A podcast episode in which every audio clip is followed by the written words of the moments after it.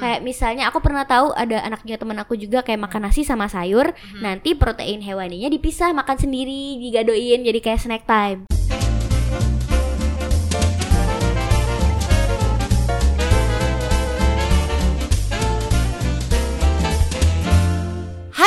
Kembali lagi bersama kami di Moms Talk Dari Mama Untuk mama. Ye, halo, kembali lagi bersama saya Nope Dan tentunya bersama Aku.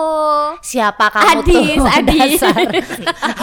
Adis ya, Moms, jangan lupa Iya. Dan masih ditemenin episode kali ini sama Kak Oka, Iya, nutrisionis kita Selamat datang kembali di Mom Talk. Ye, oh dikasih temukan, oke ye Mbak Oka. Kayak ulang tahun ya Bu ya hari ini ya Iya, kalau kemarin episode yang kemarin itu kan bersambung nih, masih Yes. bahas soal gizi. Katanya Mbak Nope masih mau nanya apa tuh? Bener banget itu harus ditahan satu minggu ya bu ya ya ampun pertanyaannya Apa sih? pertanyaannya Nanya apa sih? Aku juga ikutan kepo nih. jadinya gini nih aku mau tanya eh, tentang masih gizi juga Hmm? aku kan ada turunan kurus Mm-mm. Terus bapakku kurus ibuku kurus. Terus aku takutnya akunya sendiri kan kurus nih. Aku takutnya nanti anakku itu ke bawah juga kurus. Walaupun sekarang dia masih dalam masih tahap yang eh, bagus gitu. Masih hijau lah kurvanya di KMS masih hijau. Jadinya apakah itu ngaruh nggak sih genetik itu? Apa masih kayak kalau bahasan kemarin kan kayak stunting ya? Genetik nggak terlalu ngaruh. Eh stunting bisa nurun tapi nggak terlalu banget. Nah kalau kurus genetik kurus itu bisa turun nggak ke anak Ah, bisa, tapi lagi-lagi eh, persennya di bawah 20%. Begitu. Ya, alhamdulillah Bisa ya, Jadi bisa, semuanya bisa. tergantung dari pola asuh si anak itu sendiri, Gitu ya. lingkungan si anak itu sendiri Oke. mendukung nggak dia bisa makan sesuai dengan kebutuhannya dia Hmm, gitu. oke. Berarti Gitu tergantung gue nya nih. Kasih makan sekarang. Gitu ya. biar nggak kayak aku bu. Takutnya nanti dikri- dikira dulu itu aku dikira cacingan bu. Mohon Aku maaf. juga dong, aduh udah kenyang deh sama urusan yang namanya dibilang cacingan lah, dibilang kurang gizi. dulu dis dulu ya ini cerita lagi. Dulu itu aku sampai ya takut banget ibuku aku cacingan dikasih eh, salah satu obat cacing itu satu botol langsung aku telan. Tanpa pakai sendok pakai apa langsung minumnya itu langsung dari botolnya. Sampai segitu takutnya aku tuh cacingan. Karena Gitu. emang kurus banget dis Terus ngaruh nggak? Enggak Tetap aja kurus ya. tetap aja kurus Tapi, bu kurus, tapi tapi emang Mbak Nope tuh makannya banyak nggak? banyak Makannya banyak tapi emang eh, nggak bisa gemuk aja gitu kan? Iya, tanya aja itu salah satu staff di sini Ari yang dulunya begadang bareng. Ya kan mungkin kalau misalnya kita berdua makan yang sama selama satu minggu tuh kayak aku bisa jadi melar banget Mbak Nope segini aja gitu kan? Iya, jadinya nggak tahu juga sih. Mungkin gara-gara mungkin aku aktivitasnya juga tinggi juga. Terus Gitu ya. stresnya dia juga. Enggak sih kalau stres. Aku kalau stres kayak Sering gedut aja. kayak kalau aku kalau stres tuh malah jadi sering lapar ya. Terus yang bikin kamu men- turun berat badan apa dong, Dis? bikin aku turun berat badan ada dulu aku pernah drastis banget turun berat badan gara-gara pakai behel. Ya, soalnya Behelan lagi ya. aja, Karena sakit. Iya. Karena Behelan sakit banget dulu pakai behel tuh sakit banget terus Iya. kayak jadi porsi Makanya- makanku jadi kecil Heeh. terus ke bawah sampai eh apa namanya sampai behelnya lepas juga masih nggak makan terlalu banyak terus melar lagi berdedek gini gara-gara punya anak ya menyusui Itu sehat, Bu. Mohon maaf bahasanya jangan berdedek. Saya berharap bisa berdedek kayak kamu, Dis, tapi tetap aja menyusut ya. tetap aja indomie kering ya eh saya nyebut merek Bukan eh, ini instan mie instan kering ya kan belum matang bukan mie instan, Bu. Saya saya tiker, tipis kering. Oh, martabak martabak iya. Oke oke, balik lagi ke gizi. Iya, Jangan iya. bercanda terus Bu, Iya, balik iya, lagi ke gizi anak. Oke, oke. Setelah gizi ibu-ibunya dibahas, Mm. kita bahas lagi ke gizi anak. Nah, eh, ngomongin masalah gizi anak, bis eh, ngaruh nggak sih kalau seumpamanya punya anak kembar dua, Mm. Eh, cowok cewek. Mm-mm. Nah, itu kalau berat badannya beda atau mereka itu harus tetap sama aja atau eh, apa ya? eh, pemberian makanan bergizinya itu harus tetap sama-sama aja atau harus dibedain antara cowok dan cewek? nah.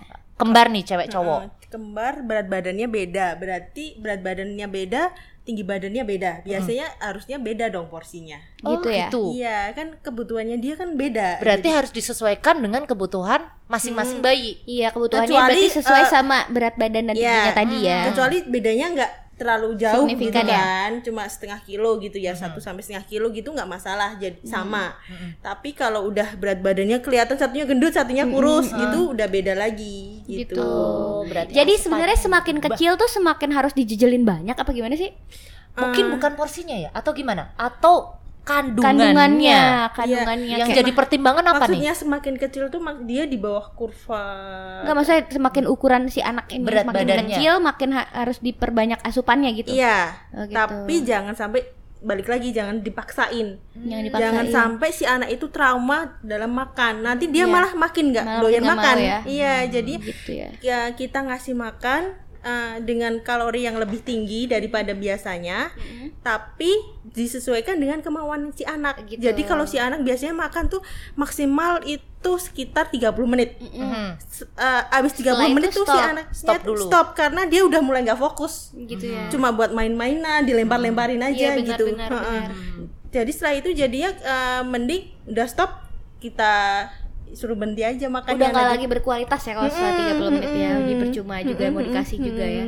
Jadi meskipun sebelum 30 menit sih menurut aku kalau misalnya udah. anaknya kayak udah merasa kenyang Udah sih males. udah di stop aja. Iya. Ya, Ah, stop benar, gitu. benar. nanti lagi. Nanti ini lagi. ini pasti pertanyaan ibu-ibu seluruh Indonesia, moms moms seluruh Indonesia. Apa? Gimana cara mengatasi anak yang sangat picky dalam makanan? Nah, Nah, sebagai Picky nutritionist eater. nih, eh, ada tips-tips nggak Ki? dia kira-kira? pikinya dia suka satu satu itu doang atau yang bosenan bosenan sih kalau anakku lebih ke bosenan. Oke, kita ah, anaknya Adis dulu, Bosenan si Rumi dulu, dulu, ah. si Rumi Bosenan kan kayak mostly bosenan. anak gampang bosen ya. Mm. yang pertama kuncinya satu sabar dulu Sabar dulu. iya jadi harus kita harus bisa berpikir jernih gimana sih caranya kita uh, Tahu maunya dia. mm-mm, mm-mm.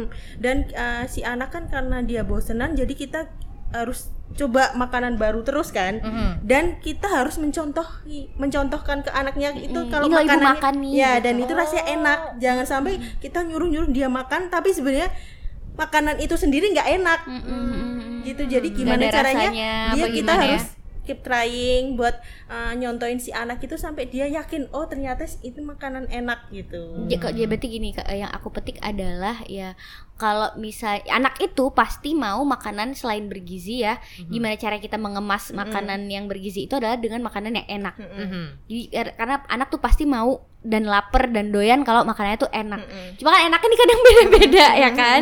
Enak buat si anak A belum tentu anak B mau gitu kan. Jadi caranya adalah dengan mengetahui apa maunya anak kayak kayak kita dengerin maunya dia. Dia cenderung suka tekstur yang seperti apa. Kita pertahankan gitu kan. Kayak anakku nih udah mulai ketahuan nih.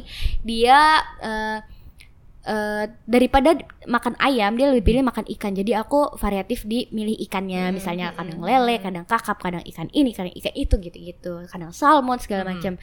Terus paling kalau misalnya dia bosan di lele aku ganti ke kakap. Atau kalau misalnya pun pada akhirnya terpaksa harus ayam aku bikin kayak ayamnya yang empuk banget. Kalau nggak disuir-suir, ya benar jadi kayak yang gimana dia nyaman makannya lah gitu Yang penting doyan makan lah. Mm. Terus eh, masih mau bahas soal picky eater juga kan tadi Mbak Mm. Mope. Soal kalau itu kan kalau anaknya bosenan. Kalau anaknya maunya itu-itu aja tuh sebaiknya gimana? kalau dia maunya itu itu aja berarti ya itu lagi kita harus mencontohkan makanan baru kan Mm-mm. Nah, kita uh, kalaupun dia supaya dia pengen makannya yang bentuknya kayak macam nugget gitu kan. Nah, gimana caranya kita bisa mensiasati di dalam nugget itu ada Sayurnya bahannya misalnya. lain ya, ada sayurnya atau dagingnya beda lagi, ikannya beda lagi gitu. Gimana caranya? Nah, balik lagi ke anaknya. Si anaknya itu kita harus benar-benar mendalami si anaknya itu sebenarnya mau apa sih gitu. Mm-mm, betul betul. Jangan sampai kita memaksakan makanan yang sebenarnya dia benar-benar nggak mau. Nggak doyan gitu Iya, ya. iya. Takutnya nggak mau makan Mm, lagi Bener, apalagi malahan. kuncinya sabar adalah bener sih menurut aku karena di di dalam proses kita memahami anak kita maunya apa tuh juga kayak kita harus nyoba semuanya nih Iya. ya kan kayak misalnya oke ayam coba ayam oh nggak mau nih aduh apa ya Berarti mikir beneran beneran trial and Iya, error ya iya ceritanya beneran kayak ya. memutar otak gimana Yes. caranya biar nih anak mau gitu Jangan kan sampai kita udah menyerah duluan, Iya, kita iya. udah kesel duluan, malah jadi anaknya nggak nggak dikasih makan. Iya, iya sih benar. itu dia sih. Kadang-kadang Berarti itu sih yang kadang apalagi lingkungan lingkungan kita kadang tidak mendukung ya. Kadang tuh kita ada omongan kayak mm, orang tua atau siapa yang ada di rumah ya. pasti banget. Ada Emang anak banget tuh itu. ada fase nggak mau makannya biarin aja. Yes. besok juga mau makan lagi. Kan kita ya. Loh gimana sih? Nanti dia dapat dari mana? Berat badannya susah-susah dinaikin masa mau turun gara-gara dia nggak mau makan gitu kan? Iya. pada akhirnya akhirnya kita jadi tetap harus eh, Gimana caranya? menghilangkan jauh-jauh pikiran-pikiran kayak gitu ya mams jangan sampai anaknya nggak mau makan terus nggak dikasih apa-apa mendingan dicari pokoknya beli beli apa misalnya maunya makan eh, junk food gitu sekali-sekali nggak apa-apa Iya, kali ya nggak apa-apa junk food dong. ka- asalkan dia mau makan gitu Mhm. jadi daripada dia nggak makan apa-apa coba dicari gitu disesuaikan dengan kesukaan anak. Kesukaan berarti dia, tipenya betul. adalah tipsnya adalah satu sabar ibu-ibu. sabar Kembali Mas, ya. lagi Kembali lagi. kesabaran Kesabaran ya. adalah nomor satu. Dan MPASI itu nggak perlu yang ribet-ribet kita Iya. nyiapin sendiri. Seumpamanya kita di rumah makan apa gitu ya. Hari ini menunya bayam sama Iya. ikan lele gitu ya. Mm-mm. Ya disesuaikan sama teksturnya dia. Kalau dia masih usia 6 bulan berarti bayamnya di blend sama nasinya Betul. sama lelenya gitu. Betul. Nggak harus kita yang nyiapin sendiri, harus ikan Iya. salmon, Iya. harus gimana gitu Iya. enggak. Saya sudah menyerah untuk menyiapkan empati yang sempurna sejak 8 bulan ibu-ibu karena ternyata capek sekali. Akhirnya apa yang saya makan, anak saya ikut Iya, makan. gitu. itu dia Biar itu gampang. motivasi utama anak naik tekstur Iya, sebenarnya karena gue males ribet Ember. Gak apa-apa bu, yang penting anaknya doyan dulu. Kalau Iya. doyan kan berarti insya Allah gizinya Iya, juga apalagi kalau udah capek bikin, anaknya nggak doyan. Nggak Nah, itu ya, dia. itu sering terjadi di kediaman Bapak Said ya. itu dia. Terus yang gini, belin. apa namanya? eh, kembali lagi ke stunting kali ya. Kalau misalnya stunting, kalau ngomongin stunting kalau misalnya stunting, apa sih indikasi yang bener-bener gamblang dan kita bisa tahu kalau anak ini stunting? Eh, itu sih kayaknya nggak harus ada ciri-cirinya tuh banyak nggak bisa yang kita Nggak ada ya? Nggak bener butuh waktu buat observasinya Berarti belum tentu. Ini anak kurus, eh stunting lu. Nggak bisa. Nah, nggak bisa nggak ya. bisa, nggak Wah, bisa. anaknya kecil di bawah rata-rata. Wah, stunting nih. Gitu enggak ya? Rumi nggak berarti ya. Jangan Nggak lu dong. deg-degan berarti ya. Tekan dong, kan stuck berapa bulan, terus ntar naik dikit, tak turun gitu kan tetap ada Ah, gitu ya. Stunting kagak ya stunting asal ini. kita bisa mampu mengejarnya itu nggak mesti jadi stunting tapi kalau kita masih santai-santai ya udah sih yang penting anaknya mau makan yang penting anaknya masih aktif itu yang bahaya. Jadi kitanya terlena dengan itu malah anaknya beneran jadi stunting Oh, gitu ya. Jadi, kayak kita tetap tetap ada effortnya gimana effort. caranya si anak itu tingginya cukup berat badannya juga cukup gitu. Gitu ya. Selama di KMS masih kurva hijau, aku mah masih tenang-tenang aja Iya, Dis. iya, makanya. Kalau udah agak turun sedikit, wah itu udah, mulai- ya. apalagi kuning terus ke merah itu ya Kalau udah nggak hijau, aku kayaknya udah mulai mm, berpikiran untuk menyerah eh, untuk asi eksklusif kayaknya ya. Aduh, jangan menyerah. Tapi gini, eh, pertanyaanku adalah apakah pasti kalau misalnya aku nih udah mulai menyerah nih misalnya aduh kayaknya berat badan aku nggak naik-naik terus aku mau ganti dari eh, yang full Ditambah ASI kali. ditambah ya ditambah dari yang full ASI mau ditambah ke susu formula apakah pasti berat badannya naik nggak mesti juga nggak nggak tentu ya dia udah nambahin sufor tapi dia makannya nggak kurang kan sama aja jadi Sama aja ya? iya jadi kan ah, balik lagi susu asi sufor itu kan sebagai makanan eh, Lengkap ya? iya jadi kalau dia udah di atas 6 enam bulan dia udah dia bukan makanan utamanya dia Gitu. jadi mau dikasih sufor sebanyak apa pun kalau emang dianya makanannya kurang ya lama-lama dia berat badannya akan tertinggal daripada temennya ya. gitu. Berarti tetap harus Tetap dikejar makan ya? makan, lebih iya. kejar makannya ya Iya. dan segala macam urusan pencernaannya tadi ya kayak yang kita bahas di episode lalu aku juga sempat ngobrol soal enzim Heeh, Soal yang dulu enzim. kamu ya waktu Hmm, kecil ya aku ada, ada- kekurangan ada- enzim. ada keturunan dari aku aku sempat kekurangan enzim apa gitu aku juga sempat khawatir sama Rumi yang ini terus te- eh, episode yang kemarin juga eh, Mbak Okta sempat ngobrol eh, sempat ngomong soal apa tuh? Eh apa namanya? Soal selain enzim apa tadi? Apa? Selain enzim Genetik.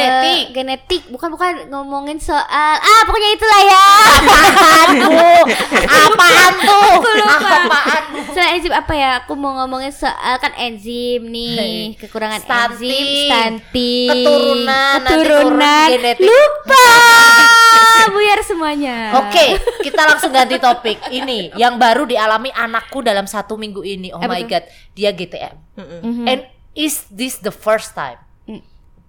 Sebelumnya, wes ya, sebelumnya dia nggak pernah GTM. Jadi mau numbuh gigi ya tetap aja makan banyak. Nah, baru kali ini tuh beneran kalau aku kasih suap lidahnya langsung keluar. Hmm. Udah nggak mau gitu, kayak mau ngelepeh ngelepeh gitu loh. Nah itu aku bingung banget sampai yang Aduh gimana nih caranya itu yang beneran aku rasain loh gimana nih, nih caranya anak apa makan yang kamu lakukan yang aku lakukan akhirnya karena Nangis. mau nangis nggak bisa bu kalau aku nangis semakin nggak bisa ngasih makan bu jadinya akhirnya aku karena aku ma- masih campuran asi sama sufor ketika anaknya nggak mau makan nasi aku genjot pakai sufor Hmm. terus eh, setelah itu aku kasih makanan oke dia nggak mau nasi aku ganti nih pakai eh, apa namanya bubur instan. Kalau bubur instan dia bosen. Jadi satu hari bubur instan rasa ini dia udah bosen nih. Aku ganti lagi. Aku ganti dulu kema- kemarin bukan dulu. Kemarin aku kasih brownies. Brownies mau tuh banyak. Kan lumayan yang penting masuk Karbo dulu ya. ada karbonya kan. Brownies. Oke brownies hari ini udah bosen nih lagi. Terus berikutnya kan pecinta gorengan ya. Jadinya aku kasih kentang goreng. Nah tiap Iya, hari itu kentang masih juga kayak penyelamat juga ya kadang-kadang penyelamat banget makan ya. beneran. Kalau kayak gitu eh, gimana ya mengatasinya? Atau yang eh, apa yang aku lakukan buat anakku itu udah cukup mengatasi atau cukup eh, mengisi kecukupan gizi anak dalam satu hari?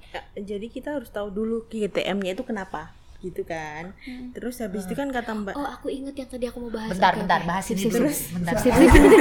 lu jangan nyela pertanyaan gue ya Enggak, enggak, Udah enggak. pending satu Enggak, minggu lu jawab dulu ya. aja lo. oke terus lanjut kata mbak jadi makanya jadi apa kentang Iya kentang terus brownies. brownies ya mungkin kalau kebutuhan karbonya bisa mencukupi Mm-mm. tapi ke proteinnya dia kan nggak oh iya itu kan masih ada kalau aku kasih sufornya tapi nggak ngaruh ya ngaruh tapi kan dia butuh protein itu sendiri. Protein itu buat apa? Biar dia eh, ada zat besi yang masuk di tubuh si Si- si anak, anak, iya oke. eh, takutnya nanti dia malah jadi anemia. Kalau makannya cuma karbo karbo aja. Nanti Ah. kalau Jadi zat anemia besi juga kunci ya selain iya, karbo ya. eh, zat besinya itu biasanya dari oke. eh, asam amino esensial gitu dari protein hewani gitu. gitu. Kadang-kadang masih aku suka kasih telur goreng sih, itu masih Nggak apa-apa. masih bisa ya. Bisa. Bebek juga bisa ya, Bisa, bebek ya, telur bisa. bebek ya. Zat besi, oh makanya itu dia sih kunci. Emang aku juga pernah sempet temen aku tuh kayak khawatir anaknya eh, berat badannya stuck juga, terus dia bawa anaknya ke puskesmas dikasih zat besi. Dikasih suplemen ya. Iya, kayak zat besi gitu. Intinya pokoknya adalah zat Biasanya besi. kalau si anak emang emang benar-benar susah makannya, dia nggak bisa eh, kebutuhan proteinnya nggak bisa dicukupi dari lewat makannya lewat suplemen itu. gitu ya. Terus sama kalau aku sih apa yang harus disediakan eh, sama mams menurut aku ya, Hmm. selain kentang di kulkas kalau misalnya emang Yes. anak lagi nggak mau makan nasi atau karbo-karbo yang lain, kentang goreng itu kadang anak emang doyan karena kentang tuh kan kayak manis, Iya. tapi juga teksturnya, enak Teksturnya bisa ada gampang kulit Iya. ya. digigit bisa gampang gitu. Kentang sama bubuk teri. Bubuk teri. Bubuk teri itu bisa kaya banget dicoba. nutrisi ada segala macam-macam zat besinya juga ada apa segala macam. Ada banyak banget merek bubuk teri itu. Kayak ada juga yang namanya abon-abon. Ada yang abon sayur sekarang Oh, buat oke. anak. Jadi bentuknya bubuk, tapi itu sayur. Bentuknya bubuk tapi itu daging gitu. Langsung dicampurin ke makanan Langsung gitu ya, dicampurin Dis? ke nasi Oh, bisa atau biasanya kalau anak aku bubuk teri itu malah dia doyannya digado. Jadinya cuma bubuk teri Iya, aja gitu. jadi kayak snack time tapi sebenarnya itu makanan pokoknya juga gitu. Kadang-kadang ada anak yang juga makannya dipisah.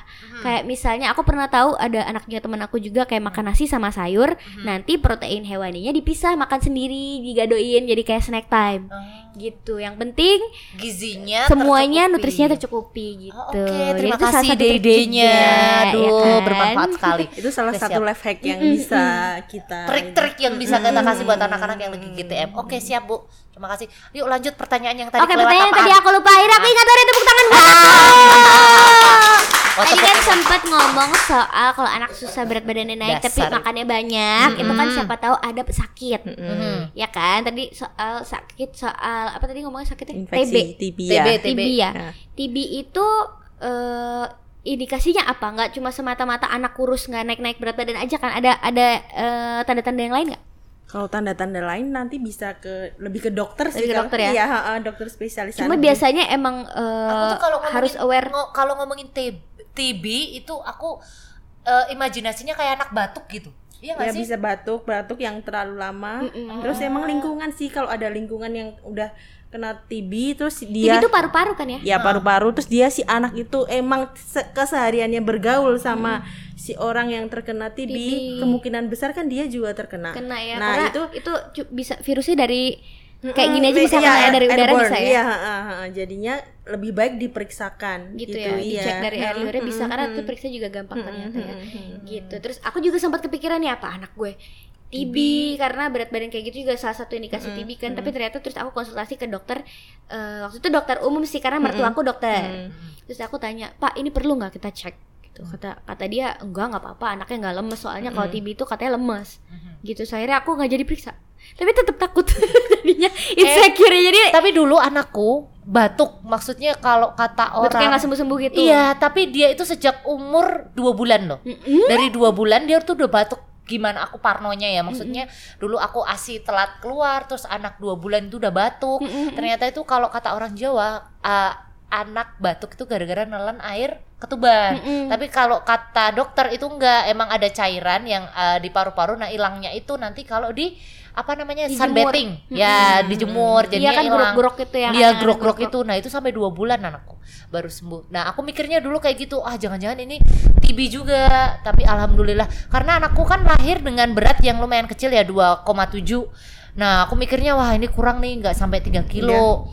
Oh berarti apakah anakku kurang gizi apalagi ditambah batuk.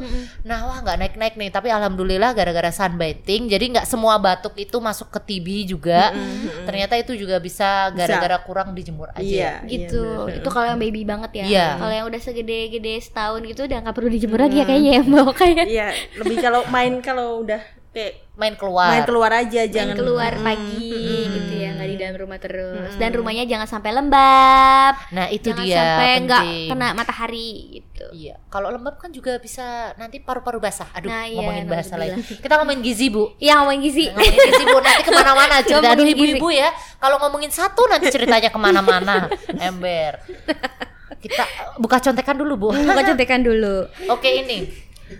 Udah semua soalnya dibahas. Soalnya udah kalau kalau anak picky nggak suka makan sayur, tadi ada tipsnya pakai bubuk sayur. Iya bubuk Bubuk abon, teri, abon, abon, abon, makanan bubuk iya. teri, bubuk sayur ada segala macam udah bisa gampang diakses mams. Tinggal cari aja di eh, platform-platform belanja online ya kan. Udah banyak mams sudah pada tahu semua Udah ya. pada tahu. Kalau ini eh seumpamanya anak mau kita mau ngajarin anak makan buah nih, buah yang eh, cocok buat anak-anak baru empasi itu buah apa ya? Yang gizi kandungan gizinya cukup. Kan kalau buah juga macam-macam ya jadi kita jangan terfokus ke satu buah aja kalau bisa macam-macam semuanya bisa dicobain Oh, berarti Gitu. bisa makan rujak barengan, Bu. jangan pedes bu ya kalau dicocolin, Bu. Kalau makan apel gitu juga susah kali ya, ya kan? Teksturnya bentuk pure susah. gitu kalau masih pure, iya, iya, iya. biasanya bikin pure. Aku, aku pikiranku anakku oh ya nggak semua moms anaknya seumuran anakku ya. Tapi- Kalau s- udah punya gigi kan dipotong-potong bisa ya. bisa kalau sama dia udah bisa diet Gigit. nya udah bisa kenapa harus dibikin di blend gitu Oke, oke. Mm. Jadi eh, menurut aku juga mams juga jangan ragu-ragu buat naik tekstur karena anak bisa kok pasti naik tekstur ya kan.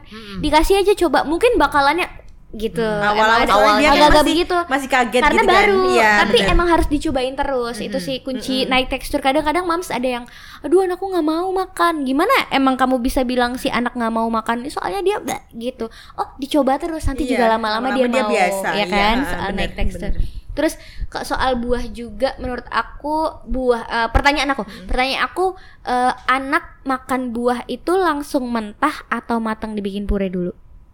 Baiknya. Anak mulai M, eh, eh, MPASI. Sebenarnya mentah kalau dicuci bersih Mm-mm. udah nggak masalah gitu Nggak kan. masalah ya?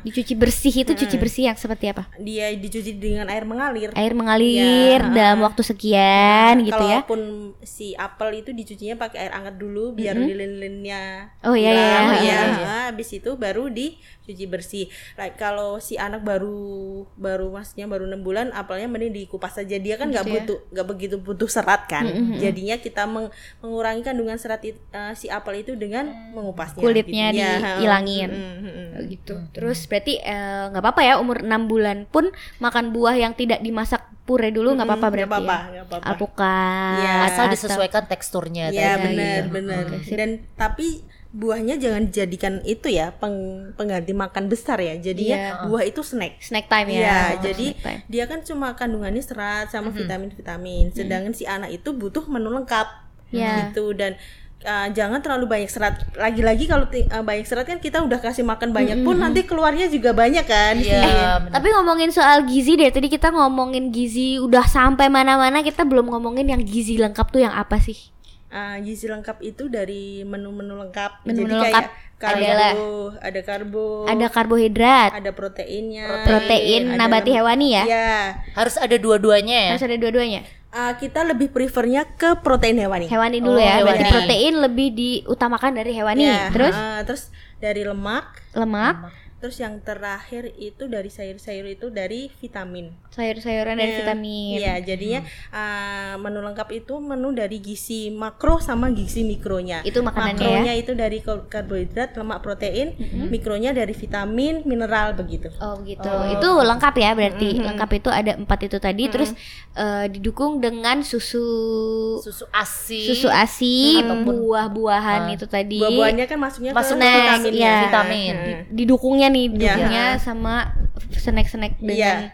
itu vitamin mineral itu tadi ya. Iya, iya. Sama ada lagi mungkin tambahan kan sekarang ada macam-macam pokoknya yang segala biji-bijian. Iya, itu Kadang-kadang biji-bijian kan itu masuknya ke protein nabati. protein nabati. Iya. Nah, itu perlu juga sebenarnya. Ya kalau mau dikasih nggak apa-apa nggak ya. apa-apa, ya. Buat ini aja mungkin buat eh, Buat selingan aja, biar nggak bosen, Hari iya. ini makan tempe, besok makan itu mungkin. Tapi jangan sampai porsinya protein nabati itu lebih banyak daripada protein hewani. So- soalnya di umur-umur itu dia lagi butuhinnya protein hewani. Hewani gitu. ya. Hmm. Kalau gini, Karena itu tadi yang yang Mbak Oka sempat bilang juga di episode sebelumnya soal jangan terlalu banyak serat karena nanti diikat sama si sayur itu malah jadinya nutrisinya keluar, Keluar semua, bukan iya. terserap gitu Iya. ya. Kebanyakan serat juga tidak baik, Mams. Yes. Terus ini aku mau tanya, apakah kebutuhan eh, gizi-gizi yang disebutkan tadi itu harus dalam satu porsi makan? Enggak kan dibagi dari makan utama sama snack itu. Oh gitu. Gitu, Jadinya jadi- nggak harus sekali satu makan harus terpenuhi gitu, semuanya gitu. enggak. Enggak. Enggak. Jadi bisa dibagi-bagi ya. Yang penting satu hari bisa terpenuhi Bisa terpenuhi semuanya. semuanya. Oke. Gitu ya. Setara dengan tiga kali makan gitu ya. Yes, semuanya Terus harus porsi dibagi-bagi. makan porsi makan juga disesuaikan ya sama tinggi dan berat badannya Iya, tadi. Kalau anak sekian seberapa mangkok, anak Iya. se- eh, dengan berat badan sekian seberapa mangkok itu sama bisa daya terimanya juga. daya terimanya juga. Hmm. Kan semakin umurnya semakin besar kan otomatis lambungnya semakin besar. besar. Oh, betul, Jadi bisa betul. ditambahin mulai ditambahin dikit-dikit porsinya begitu. gitu. Jadi itu mungkin juga salah satu tips gimana kita menaikkan berat badan anak ya. Hmm. Jadinya kalau mau nih concern, aku mau concern naikin berat badan anak yang harus ditinggiin eh, kandungan apa nih? Karbohidratnya, ataukah lemak hewaninya, ataukah proteinnya? Jadi yang ditinggiin itu dari kalori. Kalori itu eh, lebih ke karbo sama protein. Proteinnya apa nih? Hewani. Hewani. Oh. Yang Karbo. notabene kalau misalnya mau naikin berat badan berarti porsi karbonya udah har- eh, harus lebih nambah. Ya, lebih nambah sama protein hewaninya juga Gitu. nambah. Tapi Lebih kalau misalnya makan nasi nasinya dipakin banyak dong ya. Jadi Mungkin jangan porsi- langsung serta merta langsung banyak. Jadi tetap step by step gitu. Tetap step by step jadi nggak iya, bisa ya. Nggak bisa. There is no such thing kayak double protein bisa bikin naikin berat badan ternyata nggak bisa juga Iya, gitu. jadi Itu malah bikin malah nambah nan- porsi jadi ya benar, banyak. si anaknya malah mual muntah malah jadinya percuma kan Iya, Gitu. malah jadi nggak masuk yang ya. atau gini eh, kalau sepenangkapku malah gini kalau semuanya kita mau naikin berat badan anak nih porsinya yang dulunya sepiring ini tapi ini lengkap eh, terus kita rubah nih proteinnya kita besarin yang lainnya dikecilin. Apa kayak gitu jadi eh, jadi kalau mau tetap yang yang dinaikkan karbo sama protein protein heeh. Gitu. yang lainnya tetap ada gitu ya tetap ada semuanya tetap ada kan kita tetap butuh vitamin sama mineral yang gitu. penting proporsinya kita besarkan nih Ya. karbo sama protein tapi jangan terlalu ceklek lagi Oke, Ya. bisa salah satu tips kita mau naikin berat badan anak bisa Iya, dicoba iya, tuh di Bisa dicoba. Iya, mams di rumah juga bisa coba tuh kalau mau naikin berat badan anak yang susah-susah. Gitu ya. Berarti karbo sama protein hewani. Oke. Jadi menurutku sama kalau tambahan-tambahan lagi lemak gitu kan lemak Ya. biasanya Lemak lemak, itu dari bisa dari minyak minyak yang lagi hits itu loh tahu Minyak- minyak kan goreng tahu bisa. Margarin juga bisa berarti Margarin ya. bisa, butter ya. Iya. butter butter bisa nggak mesti harus unsalted butter Gitu. bisa butter biasa juga bisa Nggak apa-apa Keju ya. bisa. keju bisa keju itu katanya bukan lemak tapi dia turunan turunan susu. susu dia Iya. iya Oh, ha. iya. jadi uh, dari minyak jagung bisa minyak kedelai minyak canola Oh, oke. Gitu. ada banyak banget minyak minyak kan Mm-mm. Cuma gue sih kayak lebih milih anak gue makan eh, lele Lebih- goreng sih Jadi- Gak ada minyaknya juga Anak gue anaknya doyan Anak gue bakwan sih ya. Ada karbonya, Ada karbonya, ada, karbonya, iya, ada betul. sayurnya. nanti ditambahin udang udah jadi lengkap lengkap kan Udah ya. jadi lengkap Iya. bakwan. Cerdas ibu-ibu mams ya. Berarti bakwan goreng is lengkap. iya tapi aku aku belum belum pernah cobain udang ke anak aku karena bapaknya ada riwayat alergi dan dulu pernah waktu dia umur sekitar empat bulan dia pernah minum asi Aha. waktu itu aku habis makan udang dengan porsi yang lumayan banyak terus dia alergi bintik-bintik sebadan terus aku kayak sampai sekarang belum berani ngasih dia udang lagi soalnya alergi tuh bahaya kan ya Sebenarnya alergi itu bahaya kalau sampai benar dia sesek benar itu Iya, kan. sampai ke organ Ah, dalamnya, sampai Tapi kalau ya emang dia dicoba kan kita kan cobanya kan nggak langsung semangkok Banyak, iya ah, sih. udang doang kan. Iya. Nah, Biasa mak mak Parno dulu Parno, iya, Parno ntar mau- mau nyobain juga harus dicobain sebenarnya harus ya? uh, cobain karena treatmentnya orang alergi kan emang harus Cobain dicobain terus ya? menerus. Lama-lama kan dia resisten. Lama-lama dia kebal gitu. Oh gitu ya. Gitu, iya. Cobain Dedis cobain deh udang. Dikit Kayaknya dulu. Kayaknya sih anaknya doyan karena udang kan ya gitu ya manis, Iya, teksturnya juga lucu. uh, uh, uh. kan porsinya juga nggak terlalu Teksturnya lucu Baru dibahas lucu ya Bagaimana tekstur Teksturnya lucu, buat anak kecil tuh kayak ibu ini Iya, lucu iya. banget. Iya. Warnanya Bisa, dan dia nggak usah dikasih bumbu pun udah enak udah gitu enak kan, iya. manis, iya. Aku jadi mau makan udang nih. Ah, Aku jadi lapar Iya bener gitu. Jadi menurut aku kesimpulannya adalah eh, tidak selalu kita harus saklek buat ngasih makan anak. ya bener Ya nggak sih, jangan selalu kita nuntut anak gitu, jangan sampai embel-embel stunting tuh bikin kita jadi nuntut anak buat ayo makan, ayo lu harus makan yang bener nanti stunting loh. Jangan sampai jadi kayak gitu, tapi kita juga harus ngedengerin maunya anak ya nggak sih? Yes. Kita juga dengerin kamu pengen makan apa, oh tekstur ini ternyata anaknya nggak suka. Kita harus catat dalam-dalam di dalam kepala kita soal konsep mengasihi anak secara eh, seperti itu ya. Iya Cakep. Jadi kita juga harus dengar maunya anak gitu loh, Mams. jadi Udah jangan- deh. Udah. Udah konklusi nih iya Udah Udah nih cepet banget. Enggak Masih bisa nih Bisa-bisa Masih ngobrol bisa. lagi nih Ya oke oke mau apa lagi ya ngobrolin soal maunya Ngobrolin anak. soal gizi anak Oh, terus ada lanjutannya kalau gitu. Ada lanjutannya kalau gitu. Kalau misalnya tadi kita eh, udah dengerin maunya anak ya kan, udah misalnya udah mencatat maunya anak teksturnya seperti apa, kembali lagi kita ke eh, berkreasi, Iya, berkreasi, bener. ngasih ngasihnya secara seperti apa ya kan. biar anaknya nggak bosen Biar dengan anaknya nggak bosen, makanan itu itu aja gitu kan jadi kalau bisa kita pinter-pinternya hari ini mau cobain resep ini Ya. besok tapi jangan dipaksain juga jadi disesuaikan dengan menu keluarga gitu jadinya jika kitanya juga nggak over budget juga kan kita nggak repot tapi si anak juga mau gitu jadi Gitu, betul. menu keluarga kita aja yang diganti-ganti gitu Tapi mungkin masaknya dipisah kali ya. Kalau Ya. misalnya kita masak garang asem, eh, Jadi gula garamnya dulu, yang ya. berasa banget yang kita doyan, si anak terakhir, ini gula ya. garamnya sedikit aja Iya, gitu ya. bener Eh, gitu. Oh ya sih benar-benar juga ya. Cuma gua nggak pernah masak nih. Aku baru mikir Hadis masak Ayam Baru mikir, jarang. mikir gue. Jarang-jarang aku masak, paling ju- juga. Masak paling cuma buat si Rumi kan ya Iya, iya. Tapi kadang-kadang juga masak sih di rumah. Cuma kayak jarang banget gitu. Kalau lagi masak juga Rumi aku bikinin ke.